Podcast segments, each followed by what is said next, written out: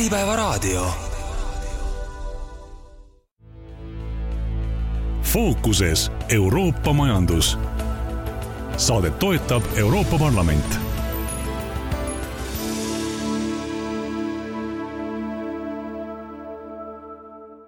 head Äripäeva raadio kuulajad, eetrisse läheb saade Fookuses Euroopa majandus, kus räägime päevakajalistel ühiskondlikel teemadel Eestist valitud Euroopa Parlamendi liikmetega ja täna on mul hea meel siin stuudios tervitada endist peaministrit Andrus Ansipit Reformierakonnast, kes Euroopa Parlamendis kuulub siis uueneva Euroopa Renew Europe'i fraktsiooni, tere! tere! Juttu tuleb täna poliitikast, meil on valimiste aasta, üheksandal juunil valitakse Euroopa Parlamendi uus koosseis, aga mõistagi teemadest, mis on olnud ja saavad olema Brüsselis ja Strasbourgis töölaudadel. mina olen saatejuht, Äripäeva ajakirjanik Neeme Korv, head kuulamist. Andrus Ansip, ma alustaksin tegelikult täiesti lihtsa küsimusega. kas olete otsustanud tänavu Eesti valijalt uut mandaati küsida? Jah, ma olen otsustanud äh, uut mandaati küsida. mulle see töö meeldib, mida ma teen. Äh,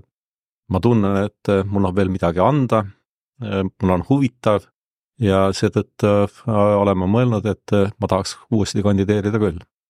Eestis pakkus päris palju kõneainet äh, see, et Reformierakonna praegune juht ja peaminister äh, Kaja Kallas äh,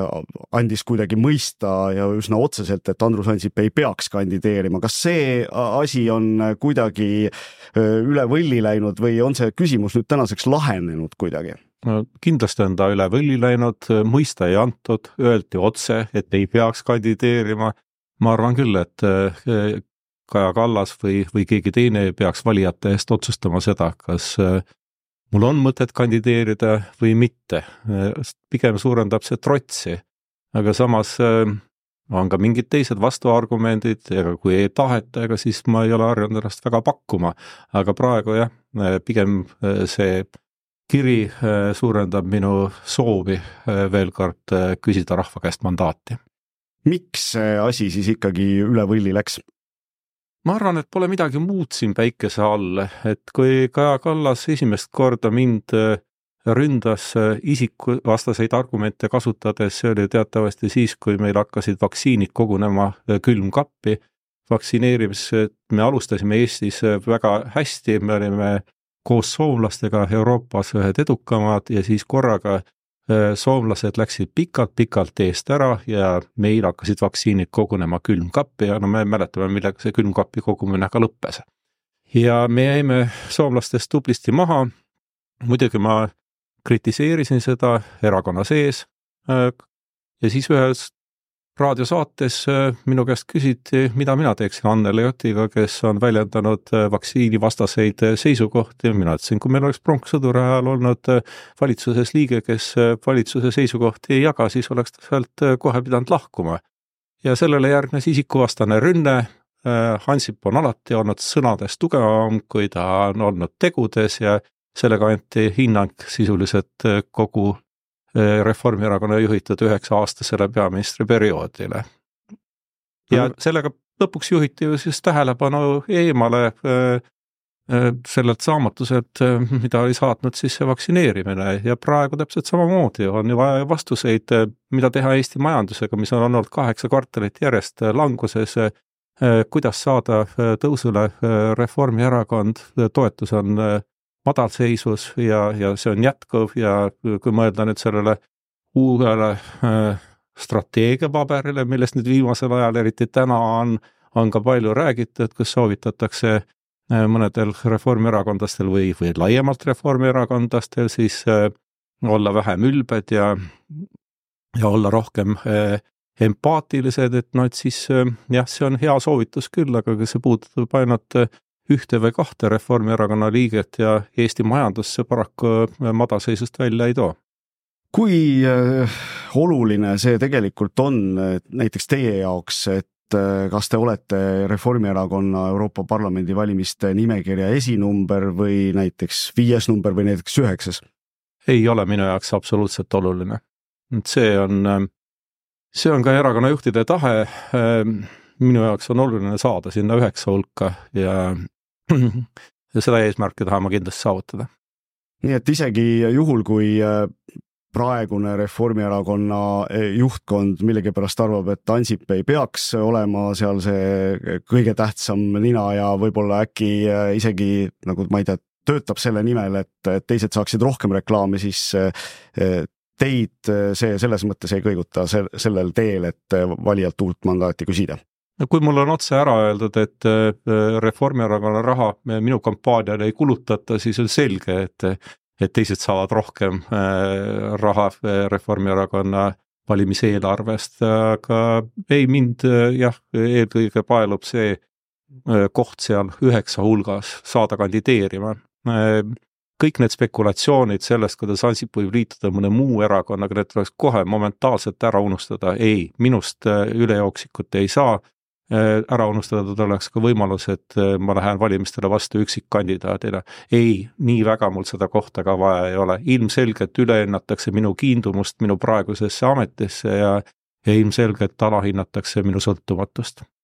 Reformierakonna nimekiri on pikk ja seal on palju elukogenud inimesi, seal on palju kogenud poliitikuid. see, et teil on omavahel sellised vaidlused, on vist tegelikult ikkagi üpris loogiline. aga et need vaidlused vahetevahel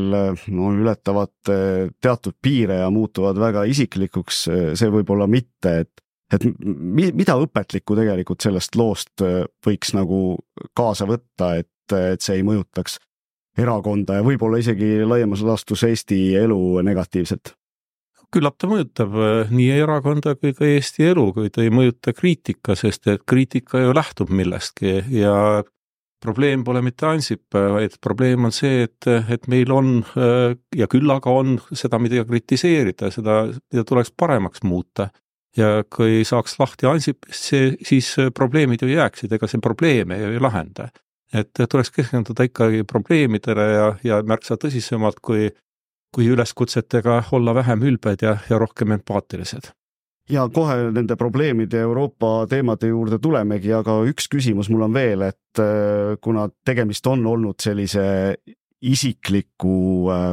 siis vaidlusega, siis äh, millal te viimati Kaja Kallasega Eesti, Euroopa, maailma ja võib-olla ka omavahelisi asju arutasite? ma arvan, et see jääbki sinna kahekümne esimese aasta suvesse, kus, kus selgus, et, et mina olen ro-, rohkem tegude või sõnade inimene kui, kui tegude inimene ja pärast seda meil sisulist suhtlust pole olnud. no võib-olla oleks aeg. aga no sel-, selles äh, asjas on alati, alati reegel selline, et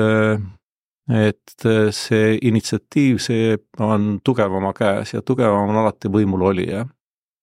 nii, aga tuleme siis Euroopa teemade juurde ja äh, küsiksin ikkagi veel nüüd nendest äh, lähenevatest valimistest lähtuvalt, et ähm,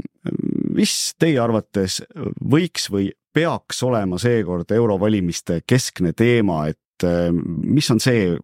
kuhu ka ajakirjandus, kui ta hakkab kandidaate küsitlema, võiks oma rõhuasetuse panna?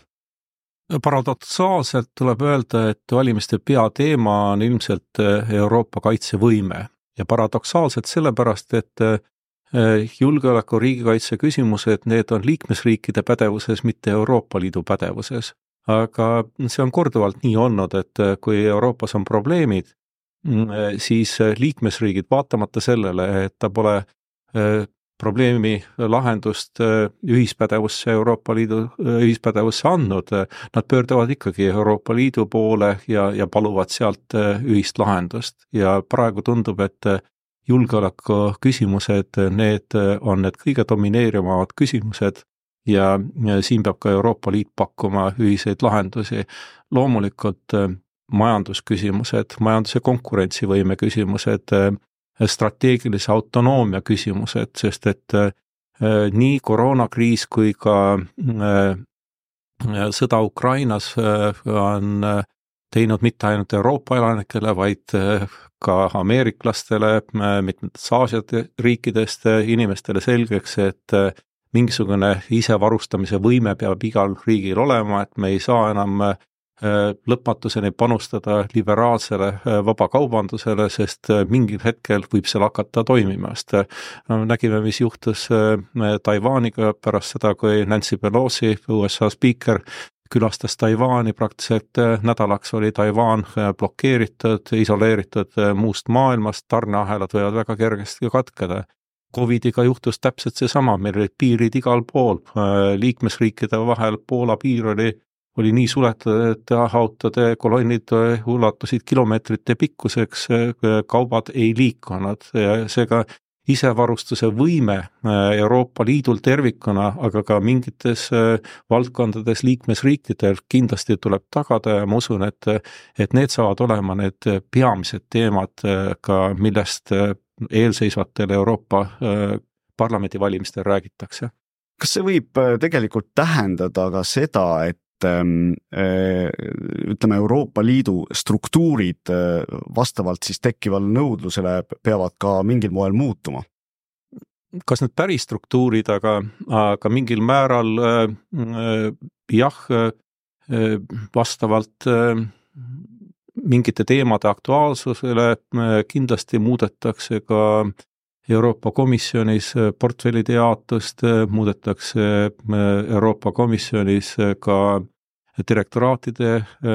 töövaldkondi, et see, seda on toimunud varem ja, ja no praegu on ka täpselt sedasama võimalik prognoosida, eriti kaitsetööstuse valdkonnas.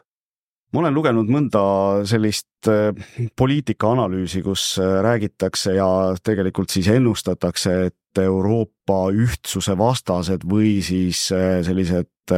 populistlikud äärmuslikud jõud võiksid saada Euroopa Parlamendis seekord jõulisemalt esindatud. kuivõrd teie seda ohtu näete ja või, või võimalust näete ja kuidas see võiks mõjutada Euroopa Liidu ja ka Euroopa Parlamendi edasist tegevust? Neid küsitlusi, mis näitavad eh, praegusele ID fraktsioonile suurt tõusu ja mis näitavad ka Euroopa reformistide ja konservatiivide rühmale suurt tõusu, et, et need on ju läbi viidud ja, ja neis kahelda ei ole mitte mingisugust põhjust. aga siiski kui me räägime siis paremäärmuslusest Euroopas, siis me peame endale aru andma, kes millest räägib. Ja siis, kui me vaatame lähemalt, kes on kelle jaoks paremäärmuslane, siis me näeme seda, et eh, me defime, defineerime eh, Euroopa Liidu eri riikides seda paremäärmuslust küllalt erinevalt. no Eestis, no me peame kindlasti paremäärmuslasteks, kellega koostööd mitte mingil juhul teha ei saa, selliseid erakondi, kes on asunud Äh, Ukraina vastastele positsioonidele. Need on meie jaoks paremäärmuslased, nendega me koostööd kindlasti ei tee. Aga Lääne-Euroopas on küllalt levinud äh, paremäärmusluse defineerimine läbi selle, kas nad on äh, sisserände vastased, kas nad on islami vastased või mitte ja see suhtumine Ukrainasse, see, see nagu polegi oluline. paremäärmuslaseks võib pidada ka Itaalia praegu, praegust valitsust Meloni Äh, valitsust kellegi meelest, aga, aga kui vaatame tüüpilise eestlase seisukohast, siis äh, Meloni valitsus on väga hea, nad toetavad äh, tugevalt Ukrainat. meile see valitsus sobib, ehkki see pole meie otsustada, kes on mm. Itaalia peaminister, aga ega me ei julge kuidagimoodi siis Meloni valitsust pidada paremäärmuslaseks, meie jaoks on ta täiesti sobiv, normaalne, euroopalik valitsus ja ometi küsitlused näitavad, et jah, Äh, paremäärmustus äh, seeläbi ka, et, et Itaalias Meloni erakond äh, võidab rohkesti kohti, kasvab. aga ma siiski usun, et Euroopa Parlamendis need sellised proportsioonid, need jäävad enam-vähem paika. jah, see on selge, et Renew fraktsioon ilmselt kohti kaotab ja kaotab neid kohti päris arvestatavalt, viimased küsitlused ütlevad, et saja ühe liikme asemel saab olema kaheksakümmend kuus liiget Äh, ja ja paremäärmuslased oma, oma kohti võidavad, aga ka suures plaanis äh, rahvapartei, kõige suurem äh, Euroopa Parlamendi fraktsioon, viimased poliitiku ennustused ütlevad, et või küsitlused ütlevad, et, et sada seitsekümmend kaheksa kohta, järgmisena sotsid sada nelikümmend viis kohta, siis tuleb ID-grupp ehk siis needsamad, keda siin meil mm -hmm. äärmuslaseks kutsutakse, üheksakümmend kuus kohta, siis need konservatiivid, reformistid kaheksakümmend üheksa kohta ja siis alles tuleb Renew kaheksakümne kuue kohaga. palju kaotavad kohti ka rohelised, nelikümmend kolm jääb järgi ainult ja, ja vasakud, noh, nad on marginaalsed kolmekümne kolme kohaga ja sõltumatuid on ka viiekümne jagu veel nii et ähm, suures proportsioonis või suures pildis tundub, et need proportsioonid, mis äh, võimaldavad siis suurel koalitsioonil moodustada, äh, need jäävad paika, aga suur koalitsioon Euroopa Parlamendis äh, see ei tähenda mingist, mingisugust koalitsiooni teemakäsitlustes, vaid, vaid see on ikkagi seotud ainult isikuvalimistega ja ja Euroopa Parlamendis on nii, et, et kui lubatud häältest üheksakümmend protsenti tegelikult ka tuleb ühe kandidaadi toetuseks, siis on läinud väga hästi kui Eestis Riigikogus üks hääl läheb uitama mm -hmm. isikuvalimistel, siis järgmine päev või samal päeval juba kogu meedia arutab, kes see oli, miks ta seda tegi ja, ja, ja kõike muud taolist, kui Euroopa Parlamendis kümme protsenti läheb uitama, siis on see täiesti tavapärane ja see on ka päris loogiline. ma loen sellest jutust tegelikult seda välja, et, et isegi kui äärmuslikud jõud seal eh, erinevatest riikidest, keda siis võib eh, sinna liigitada, saavad eh, rohkem kohti, siis tegelikult sellist noh, üht ühtset löögirusikat on neil noh, küllaltki raske kokku panna jah, seda on küllaltki raske kokku panna ja need erinevused on ka migratsiooni küsimuses, mis on Lääne-Euroopa jaoks väga terav ja väga aktuaalne küsimus. kui me nüüd mõtleme näiteks prantslaste Le Peni parteile ja sakslaste Alternative für Deutschlandile, siis Need kaks äh, erakonda välistavad teineteist just nimelt migratsiooni pärast. AfD on pakkunud, et Saksamaalt võiks saata ka äh, ebaseaduslikke sisserändajaid Rwandasse, nii nagu seda katsetas teha siis äh, Ühendkuningriik või, või nagu Itaalia kavatseb saata ebaseaduslikke piiriületajaid Albaaniasse ja Le Pen on sellele kategooriliselt vastu Äh, Le Pen äh, hindab ka inimõigusi ja ta on muutunud rohkem äh, no niisuguseks keskmise prantslase maitsele vastavaks poliitikuks, ehk siis sellest kunagisest radikaalsusest on üksjagu palju praeguseks ära kadunud ja, ja seetõttu Le Peni populaarsus on Prantsusmaal ka tugevalt kasvanud. kui me mõtleme jälle äärmuslaste suhtumisele Ukrainasse, siis äh, meile siin Eestis tundub, et me oleme kõik väga, väga tugevad Ukraina toetajad, aga paraku äh, viimased küsitlused Europarameetri järgi ütlevad seda, et Eesti toetus Ukraina rahalisele toetamisele, jutt on sellest viiekümne miljardilisest mm -hmm. paketist, on üks Euroopa Liidu kõige kehvemaid, et oma viiekümne üheksa protsendiga, noh, me oleme Kreeka kõrval viiskümmend kaheksa, viiskümmend üheksa protsenti nendel ka, no ja siis tuleb Ungari. meie olemegi seal palju kirjutatud Ungariga täpselt äh, samas lohukeses ja, ja me oleme Euroopa Liidu viimases otsas, mitte midagi võrreldavat äh, Rootsi, äh, Soome, üheksakümmend kuus, üheksakümmend viis, üheksakümmend neli protsenti, Holland, Portugal, Leedu me mõtleme, et äh, jah, see tuleb Eesti venekeelsest elanikkonnast, aga, aga paraku Lätis on ka venekeelne elanikkond sama suur, kui ta Eestis on ja nende toetus on seitsekümmend seitse protsenti. meie viiekümne üheksa protsendi vastu, ma ei räägi üldse leedukatest, kes on seal Euroopa Liidu päris tipus midagi on läinud meil väga valesti, aga see on asi, millega siin Eestis tuleks tegeleda. siseriiklikult tuleks tegeleda äh, ühtsuse saavutamisega ka Ukraina küsimuses ja põhimõtteliselt tähendab see ka ju Vene-vastaseid sanktsioone, kuidas me neid toetame, kuidas me neid tegelikult toetame, kuidas me tegelikult toetame seda äh, jätkuvat kaubandust Venemaaga, kas äh, ainult sõnades või, või ka tegudes nii et äh, tegelikult on see, et Eestist valitud saadikute üks ülesandeid ikkagi saab olema ka äh, selle seisukoha viimine Euroopasse ja, ja sellel teemal kaasarääkimine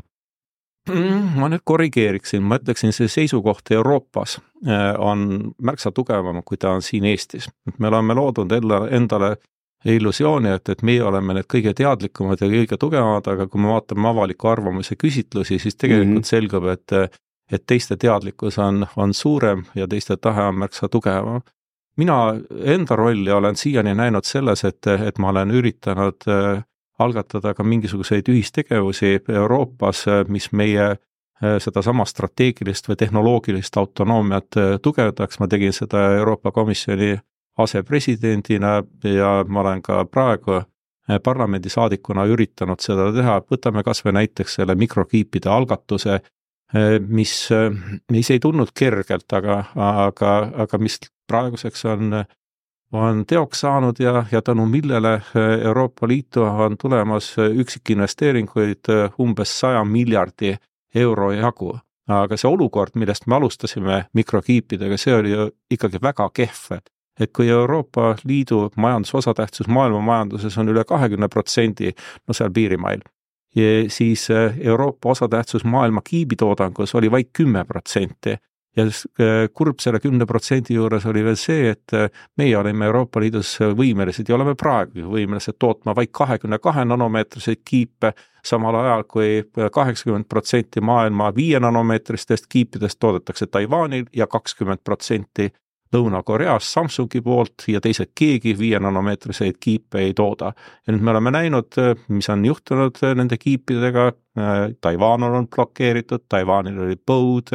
nõudlus kiipide järel pärast kor-, koroonakriisist väljumist kasvas väga kiiresti. Ja me avastame, et, et meie tootmine on, on väga nadi ja selleks, et äh, jõuda muu, muule maailmale järele, selleks me selle Euroopa kiibiakti siis äh, vastu võtsimegi. Ja kui nüüd mõtleme sellele, et äh, Magdeburgi on tulemas kuuekümne kaheksa miljardi eurone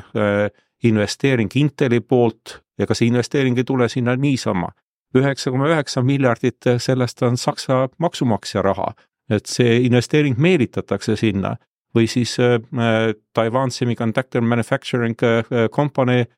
paneb kümme miljardit Dresdenisse, aga ei pane niisama, vaid viis miljardit tuleb Saksa maksumaksja raha sinna juurde. vaat kui seda riigiabi, millele liberaalne turumajanduse pooldaja alati vastu on, kui seda ei oleks, siis meil ka neid tehaseid ei tuleks ja me jääksime muust maailmast järjest enam ja enam maha no siiski liberaal istub mul vastas, et ikkagi mingil hetkel on vaja sellist abi anda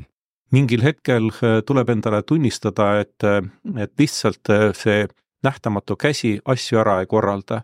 no läheme natukene kaugemale ajaloos tagasi, aga see ei ole päris ajalugu, vaid, vaid järgmisel nädalal korraldab Soome esindus Brüsselis siis ühe konverentsi ja pidulikuma konverentsi selleks, et tähistada maailma omal ajal siis kolmanda superarvuti valmimist Soomes Kajanis, see on lumiarvuti. aga kui me läheme nüüd pisut kaugemale ajalukku tagasi, siis kahe tuhande kaheksateistkümnendal aastal äh, Itaalia eesistumise ajal, mina olin siis Euroopa Komisjoni asepresident, äh, me seisime olukorra ees, kus maailma kahekümne tipp superarvuti hulgas polnud ühtegi Euroopa Liidu arvutit, tõsi küll, üks oli top kümnes isegi, aga see oli Šveitsis ja Šveits teatavasti ei kuulu Euroopa Liitu. samal ajal äh, Euroopa äh, Liit pruukis maailma superarvutite võimsusest kolmkümmend protsenti, endal meil oli neid võimekust ainult äh, kümne protsendi jagu, see tähendab seda, et, et me ju maksime teiste superarvutite riistvara kinni oma tellimustega, me maksime nende elektrikuluarved kinni oma tellimustega ja peale selle said nad kõik meie teadmised ka, me saime arvutustulemuse, aga nemad said kogu arvutuskäigu endale teada, eks mm. -hmm. ja no sellega ei saa leppida, et, et, et meil kaob ära võimekus äh, planeerida üht väga olulist äh, olulist äh, haru nii teaduses kui, kui ka majanduses, see on superarvutite arhitektuur mm, -hmm. meie jaoks hakkas järjest enam minema kuhugi uttu ja siis kakskümmend kaks riiki tulid kokku Milanos kaks tuhat kaheksateist, sest kõik ei tahtnud selle, seda projekti üldse algatada, ka Eesti ei olnud huviline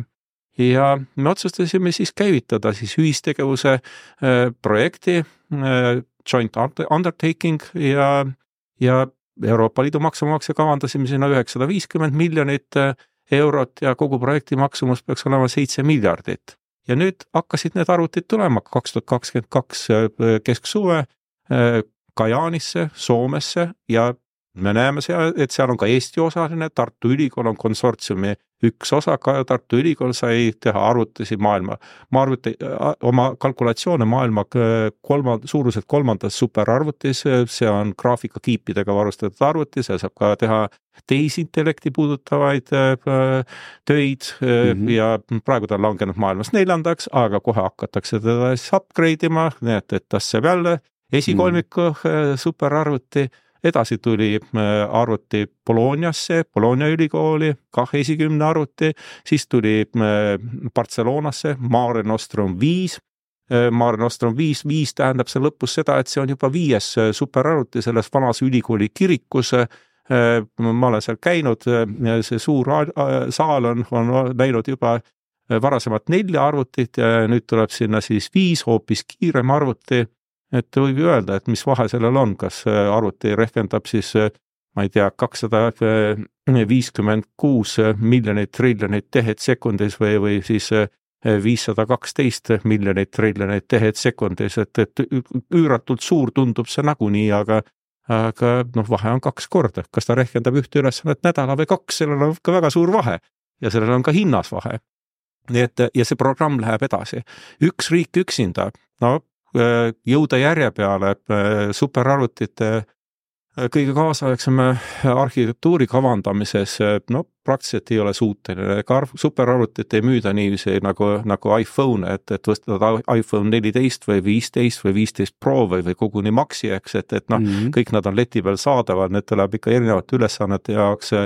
erinevalt projekteerida ja, ja see kompetents kokku panna, et noh, sellel on mingisugune mõte sees ja üks riik üksinda seda investeeringut, mis ei pruugigi olla nii suur Euroopa äh, summade mõttes, noh, sada viiskümmend, kakssada miljonit äh, eurot näiteks, et äh, üks riik ei suuda seda välja panna, see tundub liiga riskantne. kiivitööstuse miljonite ja miljardite juures teeme siin ühe väikese pausi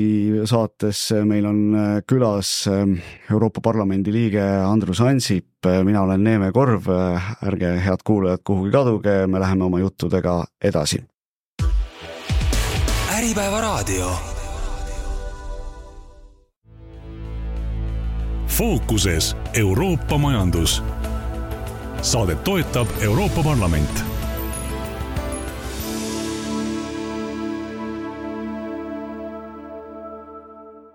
head Äripäeva raadio kuulajad, me jätkame saadet Fookuses Euroopa majandus. meil on täna külas Euroopa Parlamendi liige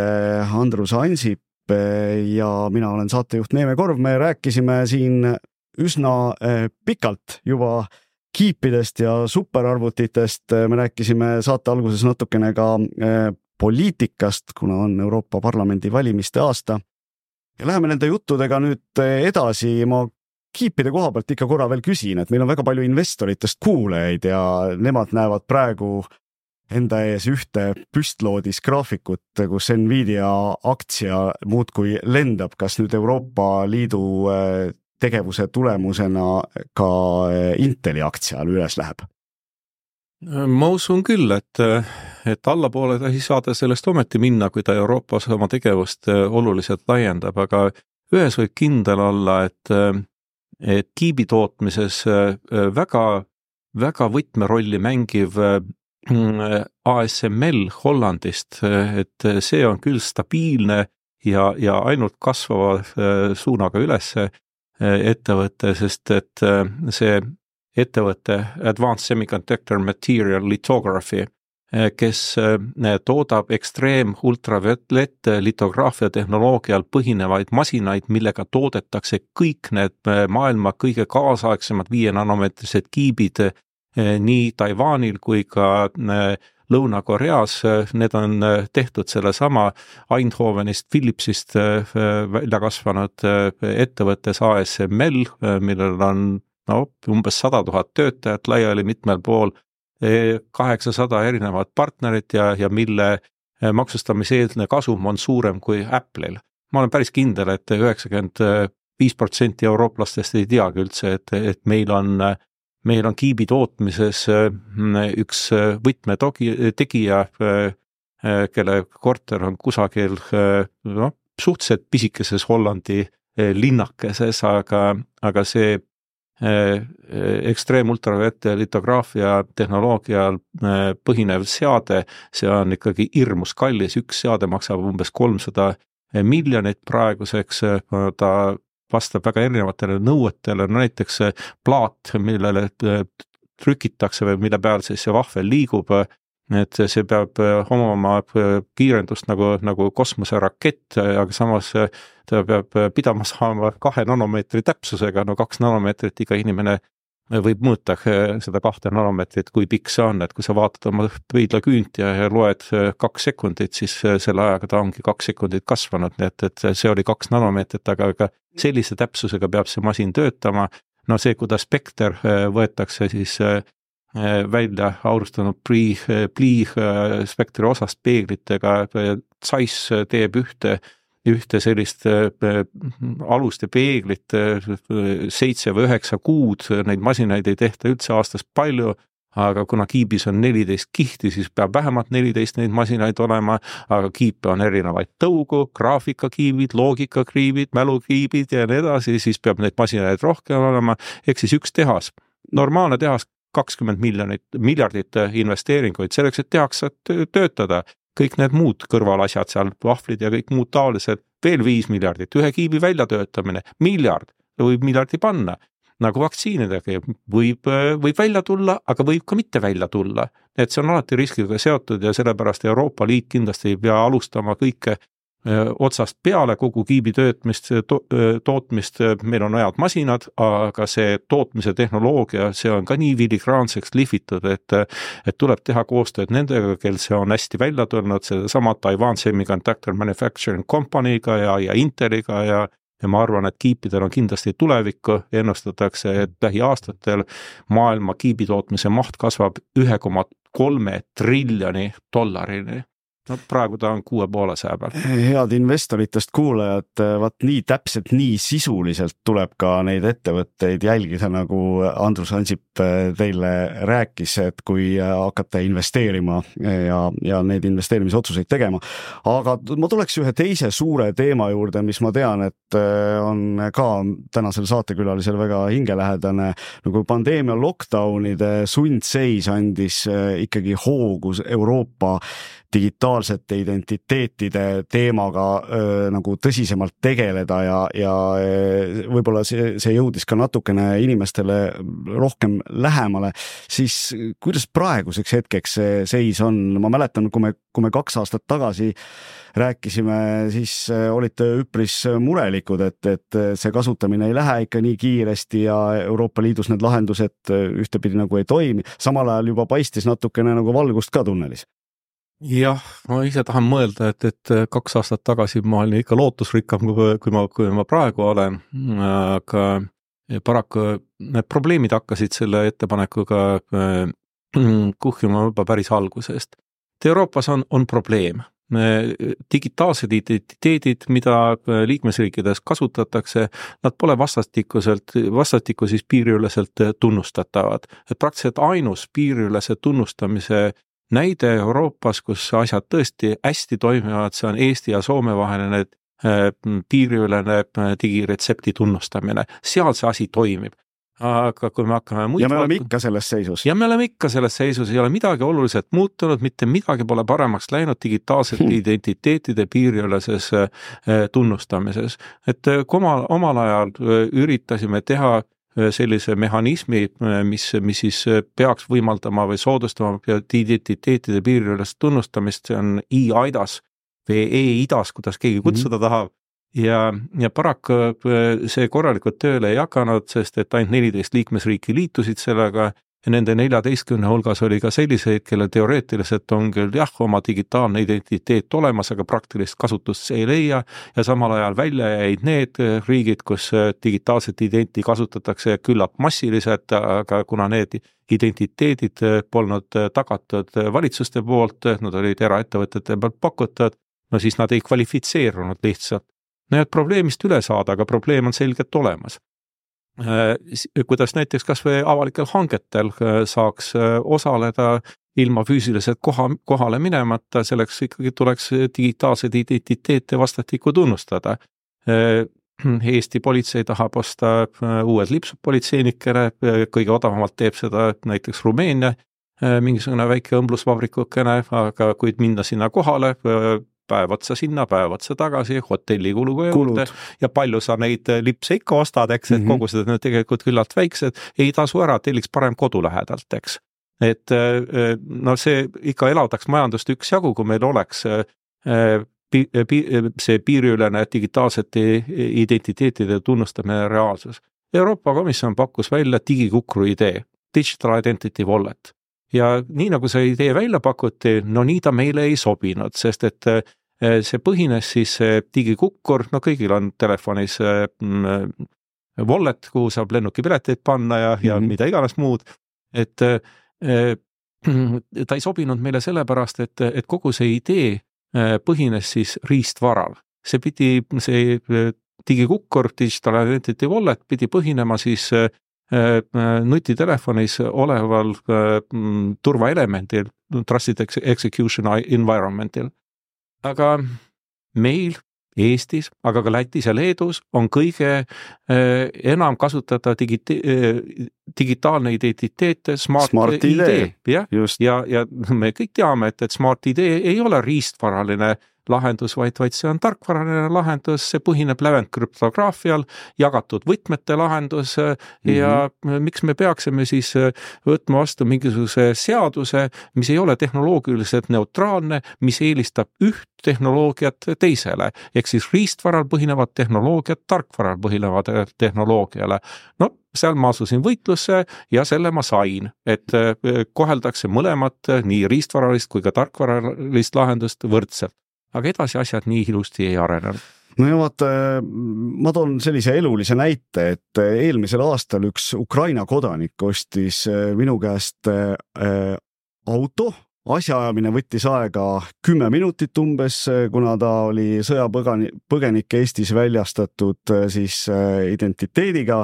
ja me kasutasime Smart ID-d, tal oli see võimalus olemas. täpselt samamoodi toimis äh, nagu kahe Eesti kodaniku vaheline asjaajamine. et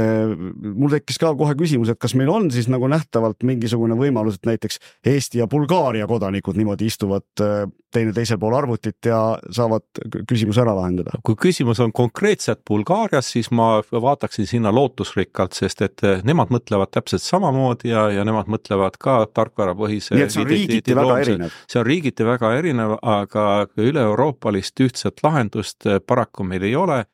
ja, ja ka seekord eh, me põrkusime siis hirmudega kokku, inimesed mitmetes Lääne-Euroopa riikides ei pea absoluutselt võimalikuks seda, et, et inimesele antakse number, no see tuleb ajaloost ja, ja seal juhtunud jubedustest, miks kardetakse seda. Mina püüan küll seletada, et, et digitaalne identiteet või see unikaalne identifikaator, mis, milleks meil on isikukood, et Eestis see ei ole mitte mingisugune delikaatne informatsioon ja, ja hirmud sellest, et, et kui inimesel on, on see isikukood uni, universaalne indikaator olemas, et, et siis ta muutub üle interneti track itavaks, et, et nendel ei ole mitte mingisugust alust. no räägin, et, et minu see universaalne identifikaator on kolm, viis, kuus, üks, null, null, üks, kakskümmend seitse, kakskümmend kaks minu nimi füüsilises maailmas on Andrus Ansip, kui te guugeldate Andrus Ansipit, siis te saate kümneid või sadu artikleid. kui te guugeldate seda minu äh, isikukoodi, no siis te saate võib-olla paar liikmemaksu äh, Reformierakonnale ja, ja see on ka kõik, mille te sealt äh, selle äh, isikukoodi järgi leiate, et ma küll ei saa väita, et, et see oleks kuidagi mingisugune niisugune asi, mis, mis laseb suurel vennal meid kõiki jälgida, kaugel sellest, see ju ei ole niiviisi. aga ometi kasutatakse argumente, millega on raske vaielda. keegi ütleb, et mina olen programmeerija ma olen tarkvarakirjutaja ja ma tean, et see universaalne indikaator, see, see on ohtlik. ahhaa, no autoriteet ütles, järelikult, järelikult ongi ohtlik. mina püüan öelda, et, et kuulge, et kui midagi juhtub sellesama äh, mobiiltelefoniga, eks, et noh, et siis äh, no see, see puudutab nüüd seda mm -hmm. tarkvaralist lahendust, et kas me siis hakkame kõiki mobiiltelefone välja vahetama, nii nagu kaks tuhat seitseteist tuli meil ID-kaardid välja vahetada, et, et ärge kiinduge sellesse äh, oma lahendusse, et, et võtke eeskuju sellest, mis töötab juba, et Smart ID-ga pole mitte ühtegi turvaintsidenti äh, kunagi juhtunud, see on sertifitseeritud äh, Saksamaal, see toimib ei, miski ei aita, siis öeldakse, et, et noh, kui üldse, siis seda universaalset identifikaatorit, see tähendab inimesele antud numbrit kasutada, siis võiks seda piiriüleselt lubada kasutada ainult avalikus sektoris. no me ju Eestis teame, et, et meil põhilised kasutusjuhtumid tulevad erasektorist. et kui me, me panka sisse logime, siis me tavaliselt kasutame ka Smart ID-d või, või, või oma ID-kaarti või mobiil-ID-d, et, et see on kõige suurem kasutajate, kasutusjuhtumite arv tuleb just meie suhetest pankadega ja see pangad on ju kõik puhas erasektor ainult. või võtame mobiiloperaatorid, ka see on ju erasektor, aga, aga nad ei või ju SIM-kaarti väljagi anda, ilma et nad oleksid isikut identifitseerinud, et, et need tulevad põhiliselt erasektorid. Ja kui sa piirad siis seda digitaalse identiteedi piiriülest kasutamist ainult äh, avaliku sektoriga, siis kasutajate arv läheb nii väikseks, et mitte keegi ei soovigi nii pisikesele kasutajate hulgale mingisugust teenust pakkuda.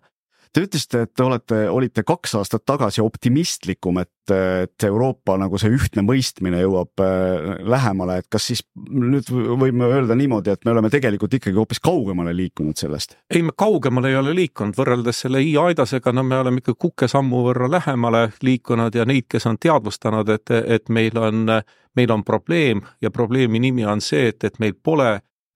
võimalust äh, erinevates riikides kasutatavaid digitaalseid identiteete piiriüleselt tunnustada, et see on olemas ja, ja see, see on reaalne probleem, et, et neid on järjest rohkem, et ei, me oleme nihkunud edasi, ma ei ütle, et, et me oleme kuhugi tagasi läinud, aga, aga ma oleks oodanud läbimurret, aga, aga aga tuli kukesamm. kuulge, mis te sellest personaalse riigi teemast arvate, mis viimastel aegadel tohutuid vaidlusi tekitab Eestis?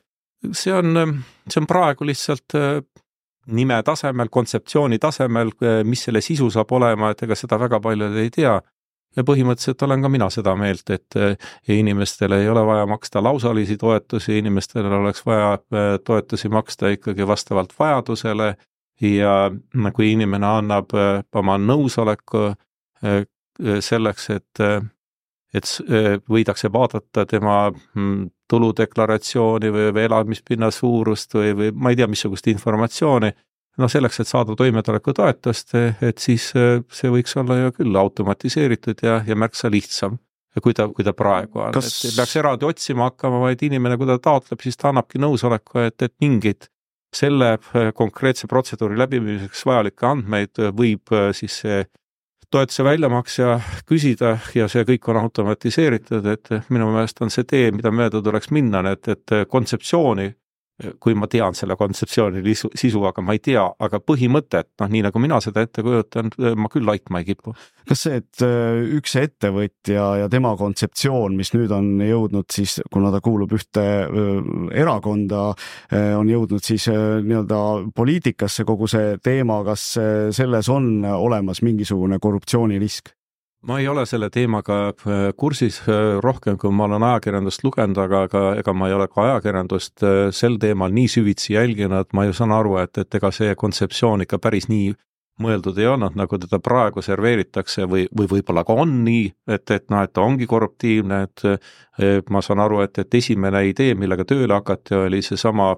ukrainlaste variant. Dia jah, mis töötab Ukrainas ju tegelikult väga hästi, et tunnistagem, et olete ise proovinud? ma, mulle on demonstreeritud seda, ma mm -hmm. ise proovinud ei ole, mul seda võimalust pole, aga, aga, aga jah, ma, mul on, mul on olnud see, see võimalus, et, et mulle on seda demonstreeritud ja, ja nad on ise selle üle uhked ja, ja ma arvan, et ja see töötab tõesti hästi ja, ja, ja selliseid edulugusid on ju kindlasti vaja meile kõigile ja, ja kindlasti on vaja seda ka, ka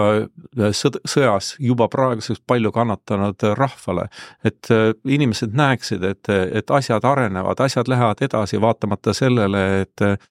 pommid kukuvad, mürsud sahisevad, et, et midagi siiski toimub, see, see annab lootust. Laiemalt, mitte, mitte, mitte ainult, see ei ole mitte ainult mingisugune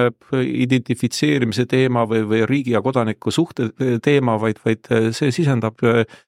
laiemalt optimismi kogu rahvale. Ja ma arvan, et selles mõttes ukrainlased, eh, kui nad panustavad digitaalsetele lahendustele, siis, siis nad on õigel teel, sest et eh, ka riigi ja, ja rahva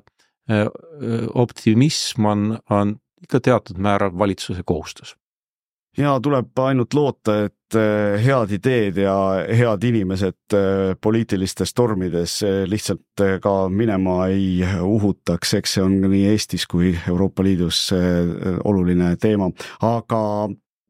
Euroopa Parlamendi liige Andrus Ansip, aitäh täna meie saatesse tulemast aitäh kõigile kuulajatele. ja ütleme ka tõesti kuulajatele aitäh, järgmine Fookuses Euroopa majandus on märtsikuus eetris ja siis annab oma tegemistest aru Urmas Paet. mina olen saatejuht Neeme Korv, seniks olge hoitud ja kohtume taas